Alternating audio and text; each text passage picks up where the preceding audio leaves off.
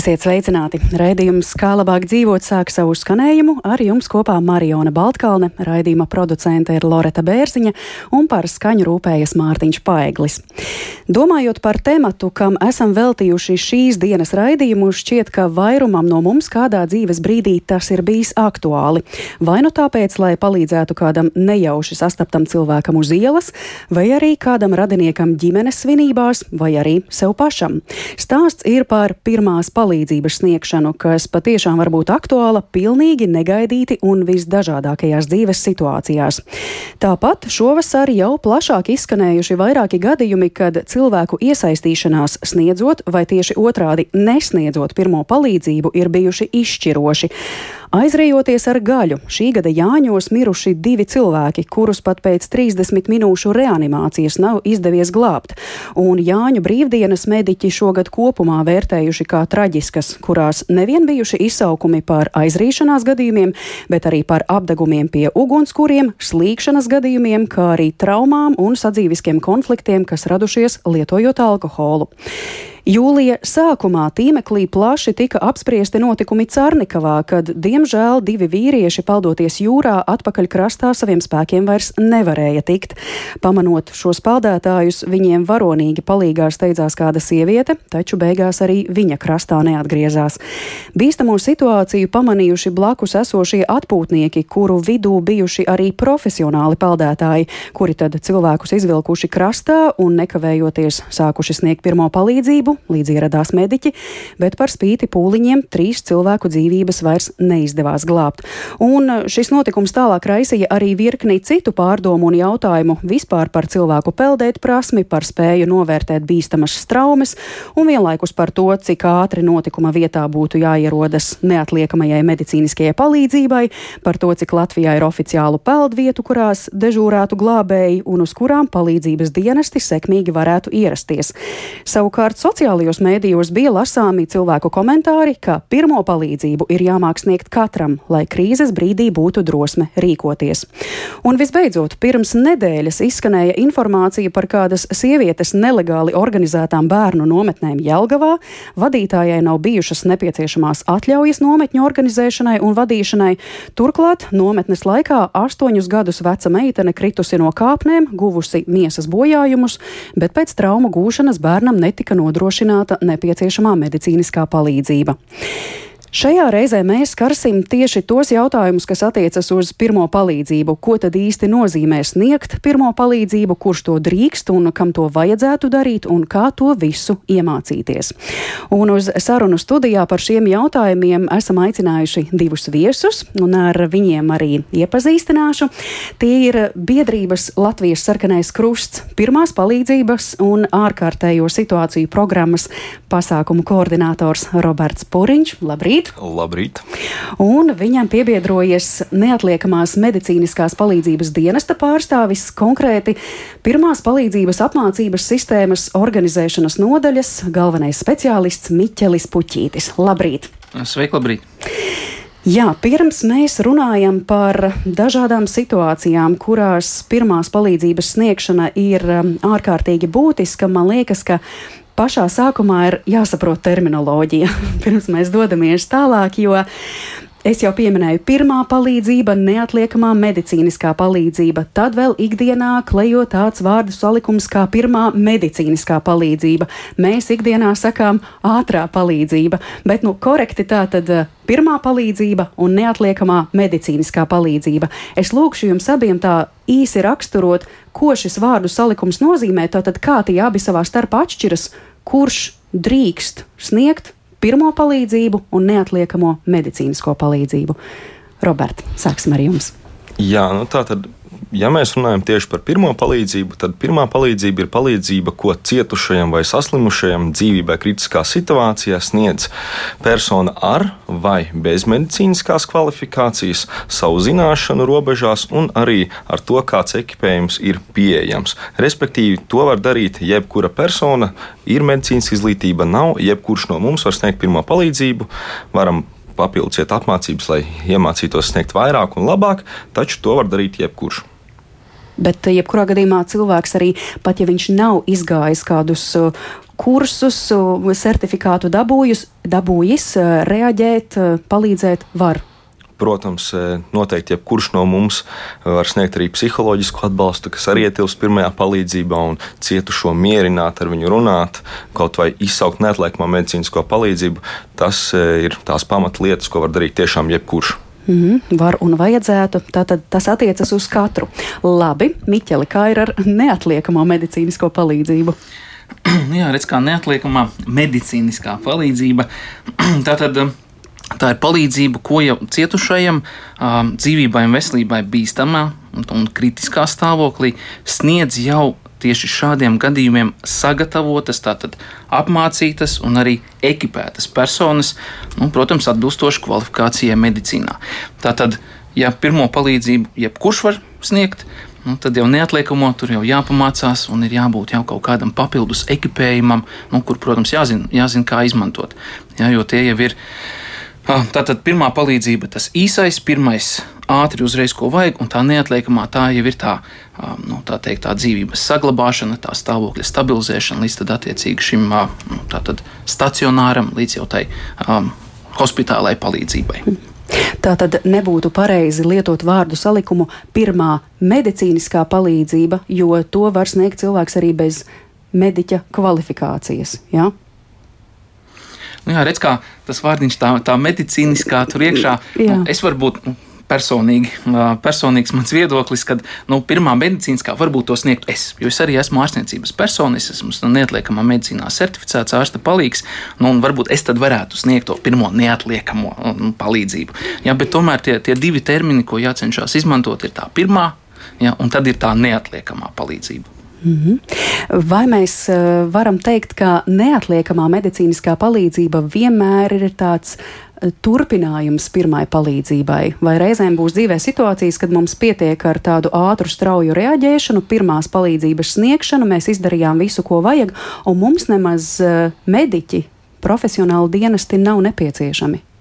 Es gribētu piekrist, ka tā varētu būt. Jo tiešām, ja mēs sniedzam pirmo palīdzību laikus, darām to e, pēc savu labāko gribu un esam cietušajiem blakus, tad ļoti bieži ir situācija, kad īstenībā nemaz neatliekamā medicīniskā palīdzība nav nepieciešama, kad šī, šī cietušā stāvoklis strauji uzlabojās un mēs neredzam iemeslu izsaukt neatliekamo medicīnisko palīdzību.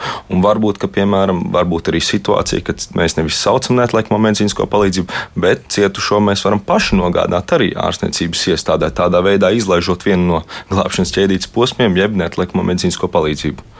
Tas droši vien ir arī iemesls, kāpēc mudināt cilvēkus apgūt pirmo palīdzību, lai nu, dienestiem varbūt pat atslogotu to ikdienu, ja, jo reizēm nebūs tādas tik smagas situācijas, kad mums ir eh, nepieciešams sauktās mašīnas. Ja. Un, eh, ja mēs runājam vēl par to, kāpēc ir svarīgi apgūt pirmo palīdzību, vai ir piemēram statistika par cilvēku iešanu bojā, tāpēc ka netika sniegta pirmā palīdzība? Varbūt, ja ne gluži ciparos, bet vai tādi gadījumi notiek bieži? Es varbūt sākšu ar to pozitīvo, mm -hmm. jā, kad ir tomēr, dien, nu, es nevaru nosaukt precīzi skaitļos, jo šādu statistiku tomēr ir, ir grūti savākt.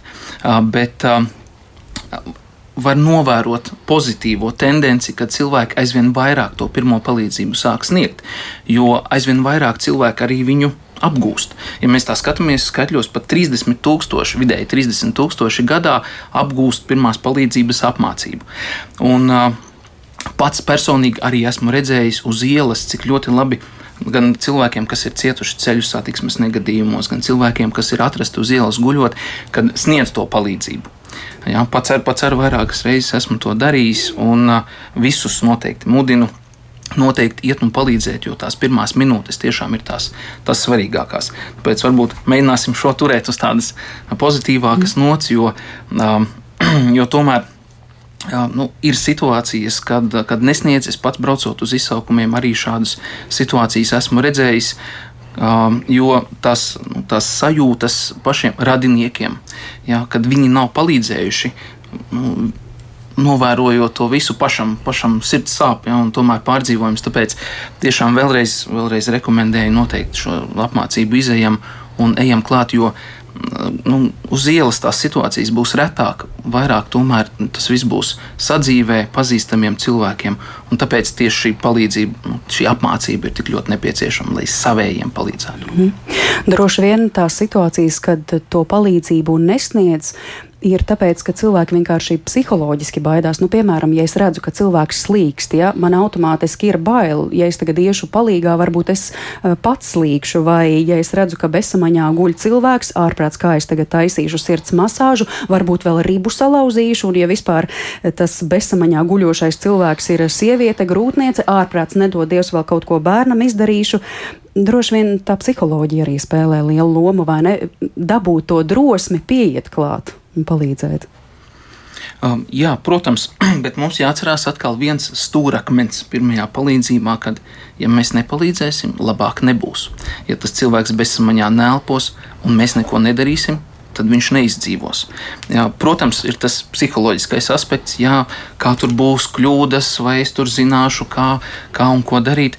Um, sliktākajā gadījumā, ja mēs neatceramies, ko darīt, zvans 113 Dispečeri ir apmācītas personas, var savienot ar uh, ārstiem, konsultantiem, ir uh, speciāli algoritmi izstrādāti, kā dienesta darbinieki var telefonu sarunā uh, izstāstīt, kas un kā ir pareizi jādara. Tātad jūs nesat vieni, jums vienmēr ir atbalsts 113, kas neatliekamās medicīniskās palīdzības dienests. Mm. Mana Miķele patika, ka jūs gribējāt visu to turēt uz tādas pozitīvas nots, un tomēr, tomēr es pajautāšu vēl vienu lietu, vai faktu, ka nav sniegta pirmā palīdzība, nu, to arī kontrolē kādi noteikumi, regulējumi, ja tu esi pametis cilvēku negadījuma vietā. Ir krimināla likumā ir punkts, kurš nu, liekas, tieši nosaukums ir atstāšana bez palīdzības. Mm. Ja, un, uh, tur ir aprakstīts daudz un dažādi sodi, kas, kas var tikt piemēroti ja, līdz, pat, līdz pat brīvības atņemšanai. Tātad, jā, mums nu, pat likums nosaka, ka ir jāiet, jāiet klāt un uh, palīdzību jāsāk sniegt. Mm jānovērtē situācija. Mm -hmm. Labi, jūs jau pieminējāt numuru 113, un pirmās palīdzības kursā tiek runāts par konkrētām traumām. Es te arī sākumā iezīmēju tātad slīkšana, aizrīšanās ar šašliku un vēl daudzi citi gadījumi. Bet, protams, viss sākas ar to, ka cilvēki vispirms negadījuma situācijās iemācās to novērtēt, pasaukt palīgā citus, piezvanīt neatliekamās medicīniskās palīdzības dienestam, nosaukt to, kas ir jānosaukt jāsauc, un tad līdz mediķu ierašanās brīdim palikt kopā ar cietušo un sniegt palīdzību. Tātad ir svarīgi to glābšanas secību, to glābšanas ķēdīti saprast, novērtēt, izpildīt. Cilvēki droši vien būs dzirdējuši arī apzīmējumu ABC schēma. Varat varbūt es uz Robertu raugoties izskaidrot to pareizo pieeju, kā tad būtu jārīkojas, ja mēs piemēram redzam, ka kaut kur, nu jā, uz ielas cilvēks guļ bezsamaņā. Ko man tagad darīt? Nu jā, tātad, jebkurā brīdī, kad mēs sniedzam pirmo palīdzību, mēs darbojamies pēc glābšanas ķēdītes. E, glābšanas ķēdīte sastāv no pieciem posmiem. Mēs, kā pirmās palīdzības sniedzēji, darbojamies pirmajos trijos no tiem. Pirmais posms ir tūlītējie pasākumi. Tātad, redzot negadījumu, mēs vispirms novērtējam riskus, parūpējamies par savu drošību, saprotam, vai vispār sniegt pirmo palīdzību šajā brīdī mēs varam, vai tas neapdraud mūs. Jo tomēr nedrīkstam būt arī pārgalvīgi un jāatcerās par savu drošību. Tāpat tās arī šajos tūlītajos pasākumos ietilpst arī šīs kritiski svarīgās darbības, kā piemēram, ja mēs saprotam, no, mēs esam novērtējuši situāciju un saprotam, ka persona varbūt ir bezsamaņā, tad mums jāuzsāk atdzīvināšanas pasākumi, vai varbūt personai ir dzīve bīstama asiņošana, kas arī nevar ilgi gaidīt, tad mums arī noteikti tā ir jāapstādina.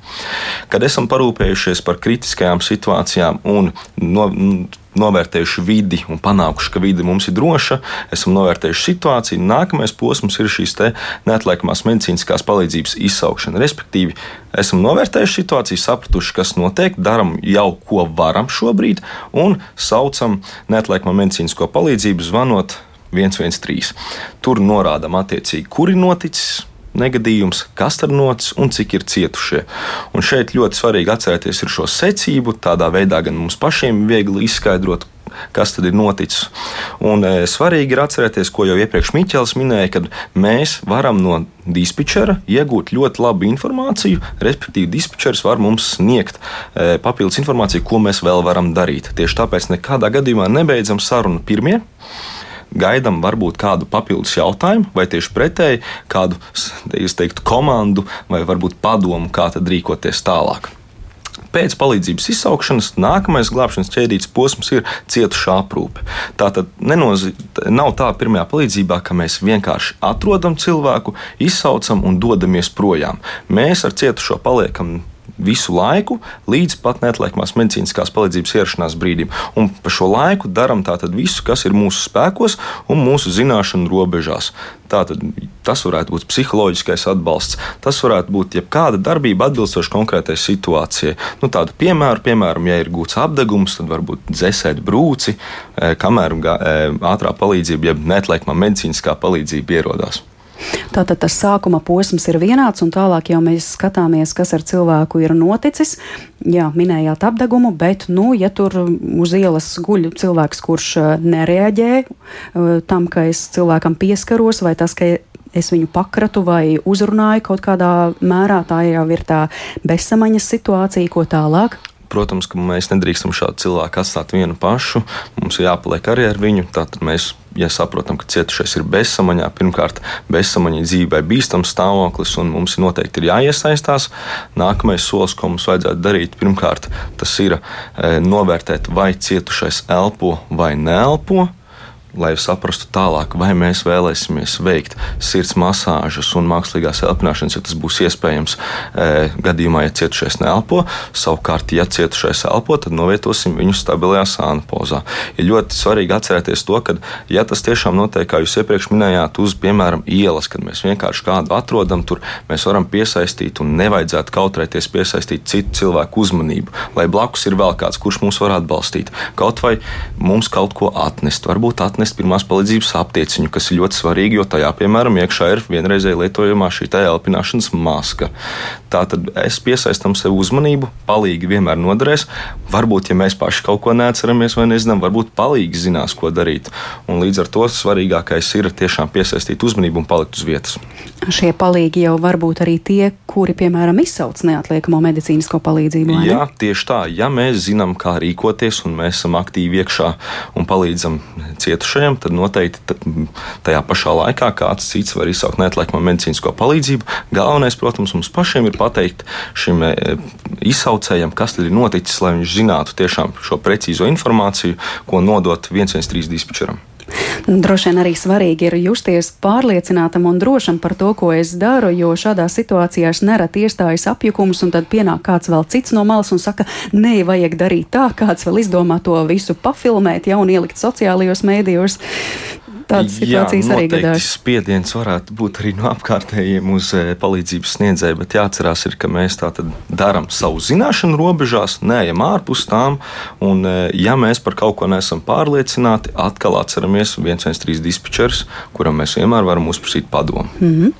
Jūs, Robert, arī minējāt, ka ir svarīgi zvanot dispečerim šo secību saglabāt, tātad kur, kas, cik, kur tas ir noticis, kas ir noticis un cik ir cietušo. Kāpēc šāda secība ir svarīga? Tātad vienmēr mēs sākam ar to, tātad, kur ir noticis šis negadījums, kur mēs atrodamies. Tas ir nepieciešams tāpēc, ka pirmkārt saruna varētu pārtrūkt ar dispečeru. Pārtrūkšanas iemesli var būt dažādi. Tāds elementārākais iemesls varētu būt, ka, piemēram, telefonam tiešām beidzās baterija un mūsu saruna tāpēc pārtrūkst. Bet tāpat tās ļoti bieži e, var būt situācijas, kad cil cilvēks sauc neatliekamā medicīnisko palīdzību pats priekš sevis. Un, ja šajā sarunas laikā, piemēram, viņam strauji pasliktināsies veselības stāvoklis, tad arī šī saruna var pārtrūkt. Un tādā situācijā neatliekamā medicīniskā palīdzība atkal nezinās, kur tad ir jābrauc, ja netiks pateikts līdz šim brīdim jau, kur tad ir noticis šis nelaimes gadījums. Pēc tam tad eh, būtu vēlams pateikt, kas tad ir noticis, respektīvi, vai tas ir ceļu satiksmes negadījums, vai varbūt ja cietušais ir guvis elektrotraumu. Tātad papildus informāciju izklāstam, kas tad šoreiz noticis, kas notiek ar cietušo, lai arī šis 113 dispečers varētu uzreiz saprast, cik liela resursi, kas ir nepieciešams un kādu padomu sniegt. Un tad pēdējais, tātad cik ir cietušie, tas ir ļoti svarīgi, tāpēc, ka mums jāatcerās, ka Neatliekamās medicīniskās palīdzības dienests, izsūtot savu brigādi, realitātē, tādā aktīvā situācijā, efektīvi varētu strādāt nu, ar vienu šo cietušo. Un, ja mums ir vairāk kā viens cietušais, tad būtu nepieciešams piesaistīt papildus brigādi. Tātad, ja ir gadījums, kad ir divi cietušie, mums būs nepieciešams divas brigādes. Ļoti svarīgi to pateikt dispečerim, lai nebūtu tā, ka ierodās viena brigāde un tad ir atkal jāgaida nākamie, līdz kāds saņem savu medicīnisko palīdzību, kas nepieciešama. Vēl viena lieta, ko jūs uzsvērāt, stāstot par šo rīcības eh, schēmu, sava drošība. Te es iedomājos uzreiz droši vien nu, elektrotraumas, ja nu, atslēgt to kontaktu, ja, vai slīkšanas gadījums, nu es neeju jūrā viens pats, neatstājot vēl kādu palīgu krastā, bet, piemēram, asiņošanas gadījums, nu te uzreiz varētu domāt, nu kur tad man tagad dabūt tos gumijas cimdus, es taču ikdienā nestaigāju apkārt ar uh, aptieciņu, ko man tagad darīt, lai es tam cilvēkam palīdzētu. Jā, var izmantot daudz un dažādas ikdienā pieejamas lietas. Pieņemsim plastikāta maisiņi. Arī ne tikai nitrila vai lateksa cimdi var, piemēram, noderēt arī līdzīgi kā veikalos pieejami, ja, pie bulciņām parasti tāda caurspīdīga arī cimdi. Šos var, šos var droši izmantot. Viss, kas ir ūdens necaurlaidīgs, viss ir pietiekami uh, nu, pietiekami labi aizsargās, palīdzot pie asiņošanas, jo nu, tās asins vienkārši netiks uz tās ādas virsū. Stresa brīdī varbūt arī cilvēkiem pašiem rodas pēkšņi tas, tās domas pavaras plašākas, ja kur man tagad ņemt, varbūt, piemēram, kabatiņu, šo dokumentu kabatiņu, kurā mēs liekam, vai ne, arī tajā ielikt plaukstu un tagad eh, cilvēkam palīdzēt tās asiņojošās rokas gadījumā. Mums eh, sarunas laikā ir arī parādījušies komentāri no klausītājiem, un, piemēram, Kaspars rakstā, turpinot šo pozitīvo noti, ko jūs, Miķeli, sākāt no savas pieredzes, zinu, ka mūsu sabiedrība ir ļoti atsevišķa atsaucīga un palīdzēt cenšas kā nu var.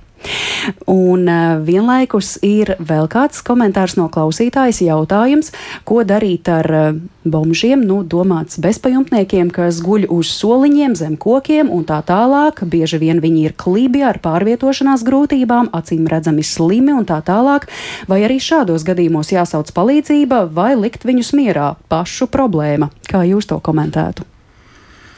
Jā, vissvarīgākais būtu saprast, vai viņiem ir nepieciešama nu, šī neatliekamā palīdzība. Ja tā tad sākumā sākam ar pirmo palīdzību, iespēju robežās, saprotam, vai nu, ir pie samaņas, vai tomēr bezsamaņā. Nu, ja viņš ir bezsamaņas stāvoklī, nu, protams, ka būs jāzvana 113, jo mēs nevaram nekad prognozēt.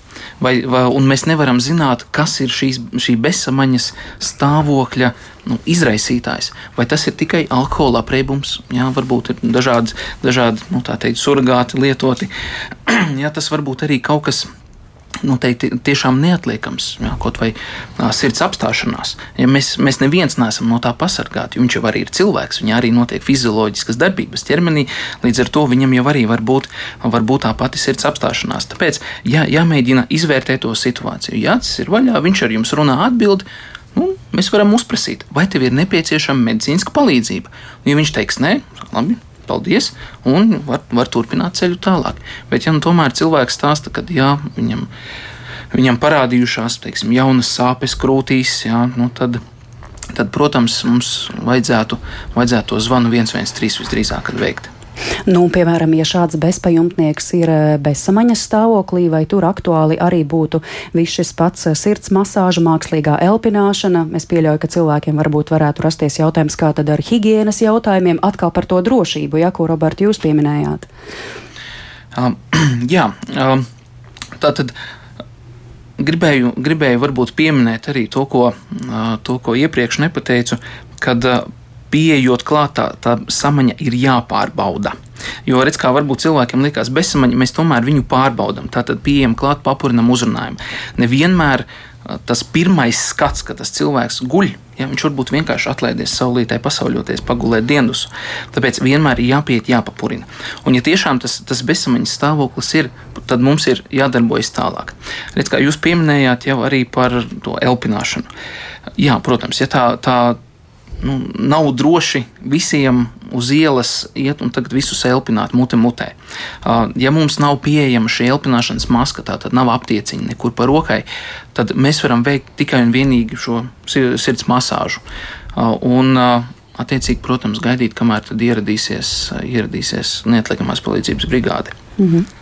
Un vēl Ilse jautā, kādos gadījumos cietušo var pašu spēkiem nogādāt uz tuvāko ārstniecības iestādi un kādos gadījumos nedrīkst cietušo pārvietot.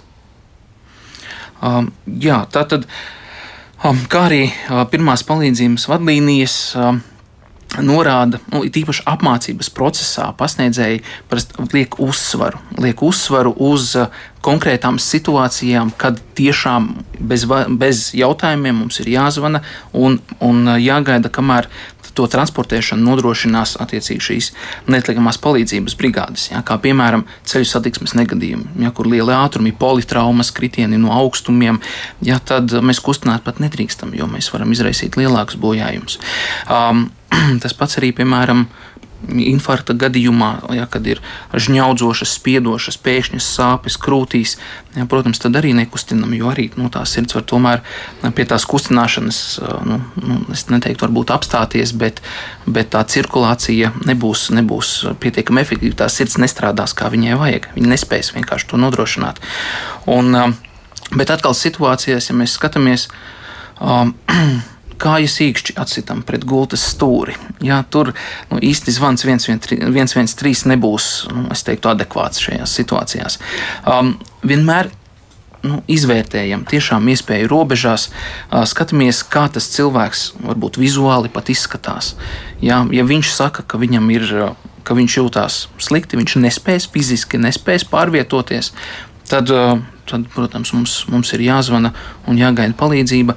Jo, redz, arī sazvanot dispečerus, izstāstot šo situāciju, tātad, kas noticis, varbūt arī tā, ka dispečeri paši iesaka doties uz slimnīcu saviem spēkiem. Ja jo nu, tas tomēr brigāžu resurss dažās situācijās nu, ir kāds viņš ir, jo viss mainās visu laiku. Mm -hmm. Jā, par eh, pirmās palīdzības vadlīnijām un kur tad apgūt pirmo palīdzību.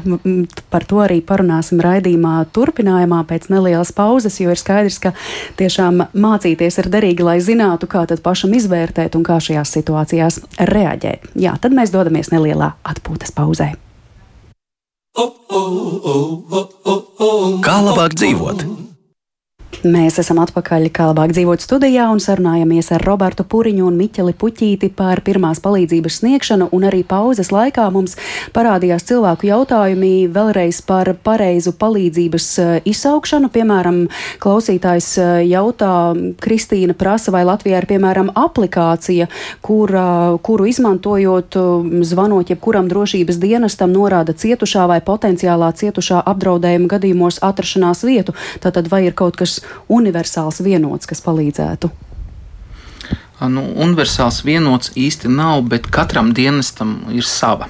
Ja mēs runājam tieši par NMPD, un varbūt tādu medicīnisko aspektu, tad ir tāds e-veselības punkts, pieejama gan Android telefonos, gan, gan nu, teiktu, aboļos. Un, un, un caur viņu, gan, viņu var veikt zvanu gan 113, gan arī uz ģimenes ārstu konsultatīvo telefonu. Tas tādās vienkāršākās situācijās, ja gribās tiešām tikai konsultāciju. Un tas zvans tiek veikts caur, caur internetu. Tā tad ir jābūt interneta savienojumam un jāieslēdz telefonā ir vietas noteikšana. Un tad attiecīgi tiek nosūtīts uzreiz. Uzreiz caur internetu koordinātes, kur tad atrodas. Tātad mēs to pirmo jautājumu, kur šajā gadījumā nu, teikt, izlaižam, mēs ietaupām laiku, lai tad ātrāk tā brigāde pie mums ierodās. Un vēl, piemēram, ir arī klausītāja jautājums par, um, nu, ko darīt uh, tad, ja nav šīs simkartes. Var izsaukt palīdzību, ja tur nav, nav kredītu, nav kartiņu telefonā? Nu jā, tā tad eh, neatliekamo medicīnisko palīdzību mēs varam izsaukt, ja pat nav mums simkarte, pat tad, ja mēs esam ārpus tādas ikdienas uztveršanas zonas, kad it kā mūsu telefons uzrāda, kad esam, ka zona nav, mēs tomēr vēl joprojām varam veikt šo ārkārtas zvanu. Piemēram, ja mēs izslēdzam telefonu ārā un slēdzam atpakaļ iekšā, tad noteikti sākumā mums visiem jāievada šis te PIN kods. Savukārt, ja mēs to neizdarām, mums vēl joprojām ir iespēja uzspiest uz opcijas ārkārtas zvans un caur šo vietu izsaukt tātad 113 vai citus avārijas dienestus, piemēram, 112, eh, VUGD un tā tālāk. Mm, tātad tāda iespēja pastāv. Tas, ko es noteikti gribētu pajautāt, un es redzu, ka arī klausītājiem tas ir ļoti aktuāli, nu kur tad pareizi un kārtīgi apgūt uh, pirmo palīdzību? Jūs, Roberta, pārstāvat biedrību Latvijas sarkanais krusts un ieejot mājaslapā www.redcross.lv, tur sadaļā darbības jomas ir vesels izklāsts par pirmo palīdzību, ko jūs darāt. Tās ir gan dežūras publiskos pasākumos un sacensību organizēšana skolēniem un paraugu demonstrējumu rādīšana um, publiskos pasākumos mācības.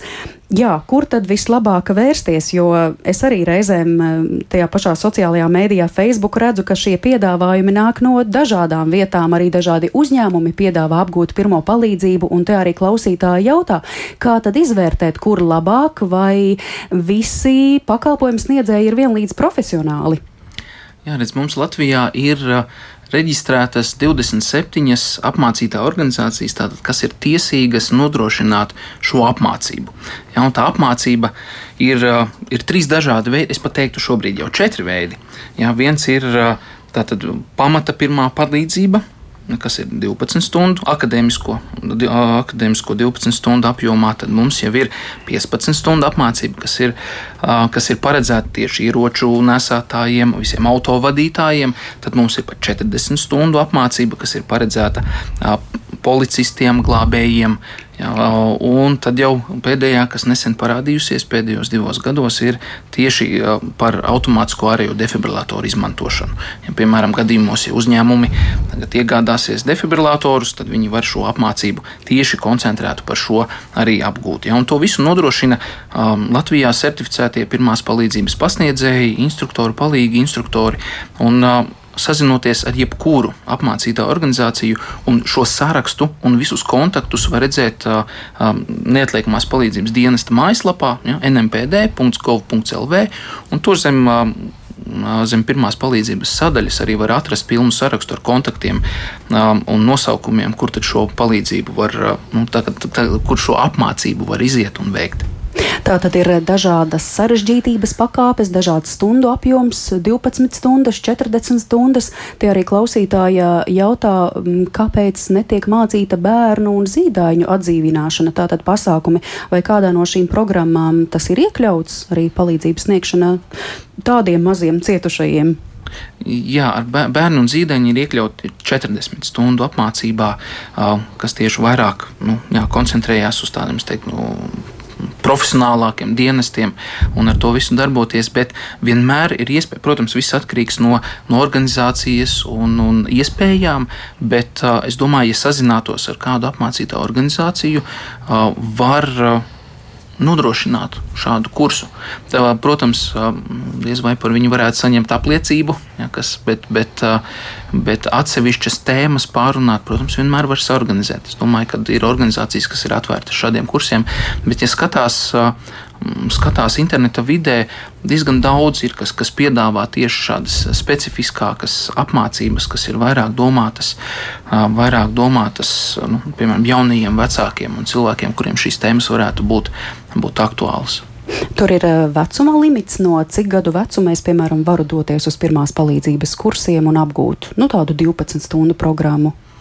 Nē, īsti ne, ne, ne noteikumos nekur nav. Ja mēs skatāmies, kā pat uh, skolās tagad uh, uz septembri tiek.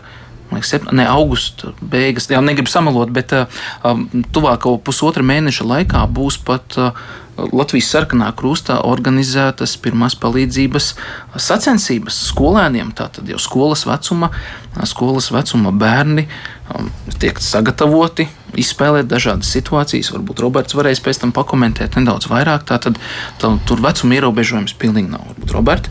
Jā, tā tad Latvijas sarkanajam krustam ir ļoti ilgus gadus iegūta pieredze un darbība tieši saistībā ar skolēniem, kad no, viens no mūsu mērķiem ir popularizēt pirmo palīdzību jau jauniešu vidū, apmācīt šos jauniešus pirmās palīdzības sniegšanā un, protams, veidot arī pirmās palīdzības sacensības. Tādā veidā viņi šīs savas zināšanas var pierādīt, pārbaudīt un Es domāju, nevienam nav noslēpums, noslēpums, ka sacensību gars arī noteikti vienmēr spēlē lielu lomu, un tas ir kā arī papildus tāds motivators iemācīties vēl un vēl. Jā, e, Latvijā, visā Latvijas teritorijā, tātad mums Latvijas sarkanais krusts nodrošina e, pirmo palīdzību, pirmās palīdzības apmācības, e, tā, tieši tāpatās arī pa visu Latvijas teritoriju lielākajās Latvijas pilsētās notiek pirmās palīdzības sacensības skolēniem. Sākumā tas notiek tādā kā reģionālajā līmenī, kad tiek noskaidroti reģiona labākie, savukārt pēc tam katra gada septembrī ja nemaldos, tā ir septembra otrā sestdiena, kad tas katru gadu notiek. Un e, ir Latvijas Republikas e, sacensības pirmās palīdzības sniegšanā skolēniem, kur tad tiek noskaidroti Latvijas labākie, apbalvoti. Un, e, tieksim tā, es gribētu teikt, ka katru gadu ir arvien lielāks gandrījums redzēt, ka šīs zināšanas aug. Un otra lieta, kas ir priecē, ka ar katru gadu ir redzams, ka šie jaunieši paliek arvien jaunāki. Ja pirms pieciem gadiem vidējais tāds vecums, kurš piedalījās pirmās palīdzības sacensībās, bija apmēram 16, 17 gadus vecs jaunietis, tad šobrīd jau, piemēram, Rīgas e, reģionālajās sacensībās, kas notika maijā, bija arī dalībnieki, kuri bija 9 un 10 gadu vecumā. Tātad pirmā palīdzība interesē ne tikai pieaugušiem, bet arī jauniešiem un pat bērniem. Mm. Tas priecē. Bet uh, ikdienā tas jūsu darbs, kā izpaužas, es jau sapratu no Miķeļa, ka ir piemēram uzņēmumi, kuri, kuri varbūt vēlas, jā, lai pie viņiem nāk un uh, māca šo pirmo palīdzību, bet ikdienā jūs tad arī izsludināt, tādas publiskas mācības noteiktā stundu apjomā, uz kuriem cilvēki var pieteikties. Jā, Miķels jau iepriekš ļoti labi ieskicēja, ka ir šīs te, nu jau četras, da, četri dažādi līmeņi pirmās palīdzības apmācībai, jā, un e, Latvijas sarkanais krusts arī nodrošina pilnīgi visus no šiem četriem četriem līmeņiem. Eh, tiek izsludināts publiskās šīs apmācību grupas, kad jebkurš interesants var pieteikties un eh, iziet šo saucamo pirmās apmācības kursu un saņemt apliecību par to.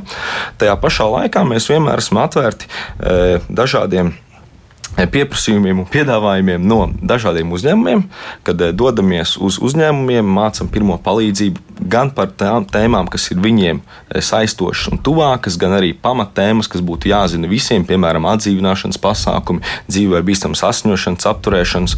Un vienmēr, vienmēr arī, ja, piemēram, uzņēmums konkrēti specializējas kādā nozarē, nu, piemēram, ja tas ir uzņēmums, kas nodarbojas ar, nodarbojas ar elektrotehnikas instalācijām, tad noteikti viņiem būtu elektrotraumu jautājums aktuālāks. Tātad spējam arī eh, sagatavot šādu semināru tipu apmācību par konkrētām tēmām, kas uzņēmumam vai konkrētai cilvēku grupai ir aktuāla.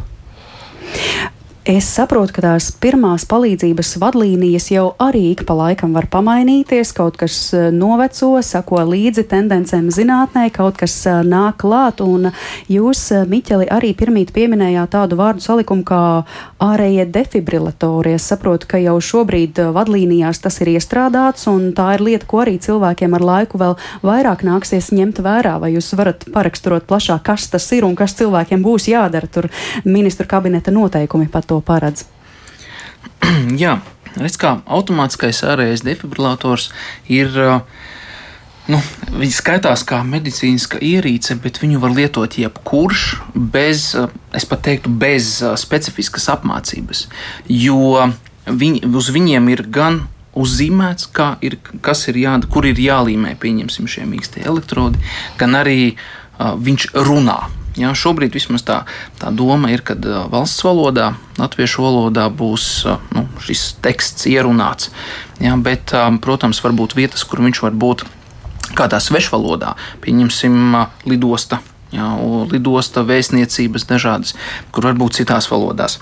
Bet kāpēc viņš mums būtu, kāpēc vispār viņš ir nepieciešams? Jo tajā es varbūt nedaudz ielīdīšu tajā medicīniskajā aspektā, bet ir tāds termins, kambaru fibrilācija, jebkad uh, sirds muskulis apstājas, uh, muskuļa, tātad sirds muskuļa šūnās ir potenciāls strādāt, bet viņas nestrādā sinhroni.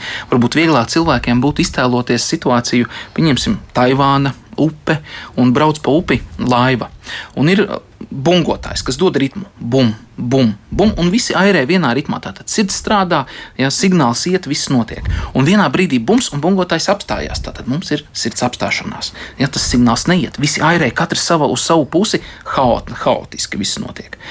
Un uh, pēkšņi nāk klāt defibrillators. Ja, pieņemsim, cilvēks no malas, malas iebļaujās, ja, kad, oi, jūs tūlīt ieskries krastā, kas notiek, cēlies mosties. Un tad atkal bungas atsāk savu darbību, sāk dot ritmu. Bet pirmajā brīdī, protams, tā laiva ir jāiekustina, ir jābūt tai sinhronai darbībai. Ja, tā, tāpēc ir svarīgi arī, kā mums algoritmā ir minēts, pat uzreiz pēc defibrilācijas turpināt atdzīvināšanas pasākumus, kamēr tā laiva tad atkal atgūst savu ātrumu, savu spēku, kustēties sinhroni uz priekšu. Ja, bet nu, tas tā var būt cilvēkiem, lai vieglāk iztēlotos, iztēloties, kāpēc viņš ir vajadzīgs. Bet viņi parasti diezgan vienkāršas ierīces, parasti, nu, nu, parasti nu, teikt, A4 formāta lapas, A5, ja, tāds kā nu, kā nu kurš modelis. Un, Atnesot, atnesot, ieslēdzot, viņi visu pasaka priekšā. Atbrīvojam krūšu kurvi, pielīmējam elektrodus, un svarīgs aspekts ir drošība. Un tas brīdis, kad viņš saka, nepieskarties cietušajiem, tad mēs to arī darām. Ja, tātad tas cilvēks, kas ir atnesis viņu, kas būs nu, šajā situācijā atbildīgais par viņu, tad uh, noteikti klausās kopē komandas, saka otram palīdzības sniedzējiem, stop, nepieskaries. Ja, notiek, pieņemsim, sirds ritma analīze. Lai aparāts spētu pareizi novērtēt, Ja, tad mēs uh, taisām pauzi, un pēc tam, ja šoks nepieciešams, pirms izlādes obligāti, obligāti visiem ir jābūt nost. Un tad, kad tiešām ir pārliecināts, ka visi nost, mēs nospiežam pogu, šoks piegādāts un uzreiz atsākam atdzīvināšanas pasākumus. Mm -hmm.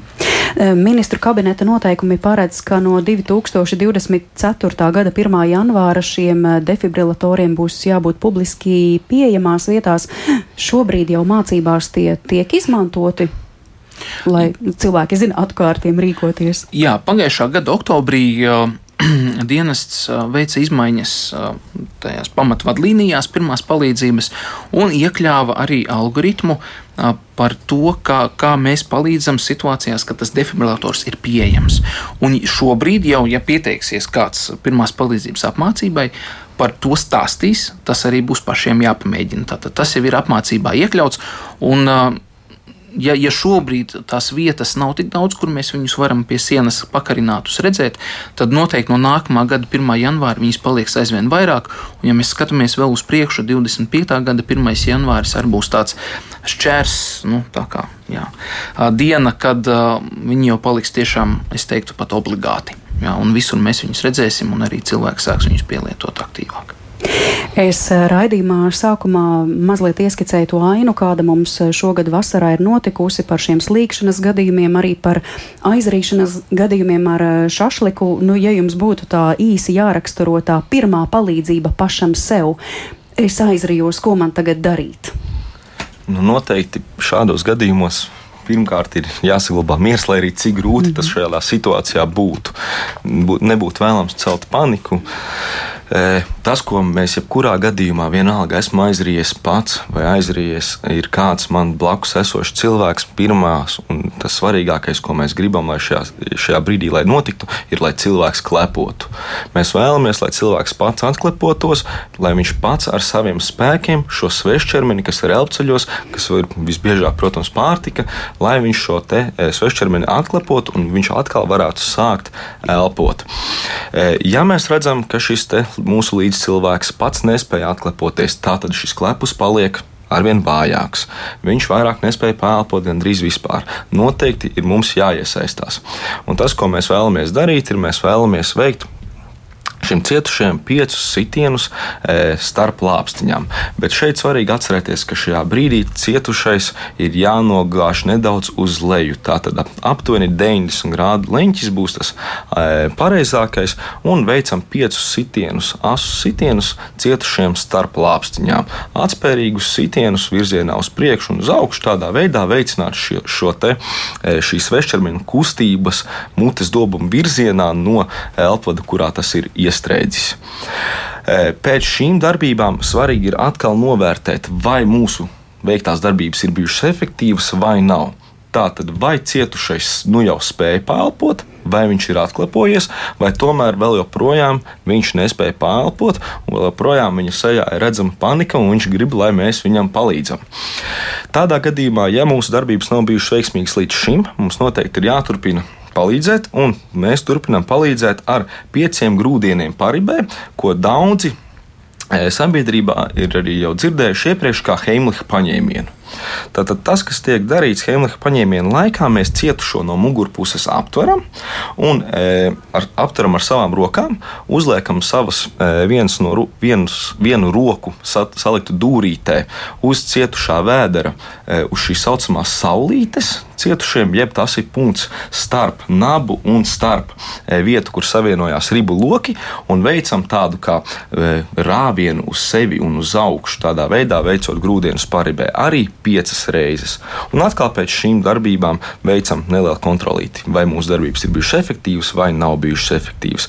Ja nav bijušas efektīvas, atkal atkārtojam piecus sitienus starp lāpstiņām, atkal veicam kontroli, atkal pieci grūdieni paribē. Un šādi līdz pat e, cietušais viss mūsu vēlamākajā gadījumā viņš atgūst šo elpošanu un pats spēj pārelpot.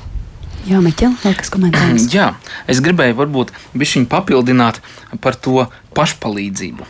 Redz, kā um, var paņemt, ja piemēram tiešām esam vieni, viss slikti, nav ko, nekā nevaram, nevaram atklāpot, ņemam krēslo ar atzveltni, nostājamies no atzīves puses uz nu, sēžamās daļas, nu, tā kā pusi pārliecamies pāri atzīvei un krītam tā, lai, kā, kā jau Roberts labi pateica, vietu, kur tad mēs taisām šos grūdienus, ar to vietu krītam uz atzīves virsmu. Jā, tas, tas varētu būt tāds nu, praktiski vienīgais variants, kā var mēģināt sev viņu izspiest ārā. Jā, es gribēju, lai jūs šo piemēru izstāstāt, jo šašliku stāstīju šovasar bija daudz aktuāli un vasara vēl nav beigusies. Tā ka tas vēl varbūt kādam būs aktuāli un, kā redzams, tad ir vairāki veidi, kā palīdzēt var vispirms jau pašam sev un tālāk iesaistot arī palīdzībā citus cilvēkus. Bet galvenais atceramies dienesta numuru 113, galvenais atceramies pareizu secību, kā nosaukt to, kas ir noticis, tātad kur, kur tas ir noticis, kas ir noticis noticis, cik ir eh, cietušo, un, protams, neatliekamā medicīniskās palīdzības dienesta mājaslapā varam atrast informāciju par organizācijām, kas apmāca pirmajā palīdzībā, un, protams, varam ielūkoties arī biedrības Latvijas sarkanais krusts mājaslapā un tur saņemt plašāku informāciju. Liels paldies, ka jūs šodien viesojāties kā labāk dzīvot studijā un nedaudz ieskicējāt tematus, kas ir ārkārtīgi plaši, un mēs tiešām varam tikai aicināt cilvēkus mācīties pirmo palīdzību, nepalikt vienaldzīgiem, jo Man patīk atziņa no pirmās palīdzības vadlīnijām. Katra ķēdīte ir tikai tik stipra, cik stiprs ir tās vājākais posms. Paldies par šīs dienas sarunu. Es saku biedrības Latvijas sarkanais krusts pirmās palīdzības un ārkārtējo situāciju programmas pasākumu koordinatoram Robertam Puriņam un neatliekamās medicīniskās palīdzības dienesta pārstāvim, tātad pirmās palīdzības apmācības sistēmas organizēšanas nodaļas galvenajam speciālistam Miķelim Puķītim. Paldies arī jums, klausītāji, par uzdotajiem jautājumiem un komentāriem, un par šo raidījumu šodien gādāja producente Loreta Bērziņa pie skaņu pulca bija Mārtiņš. Paeglis, pie mikrofona Mariona Baltkalne, bet pirmdien jūs atkal uzrunās mana kolēģi Kristiāna Lapiņa, stāstot par gatavošanos ziemai, par konservu gatavošanai ziemai. Bet šodien mēs no jums atvadāmies un novēlam patīkamu dienu. Visu labu!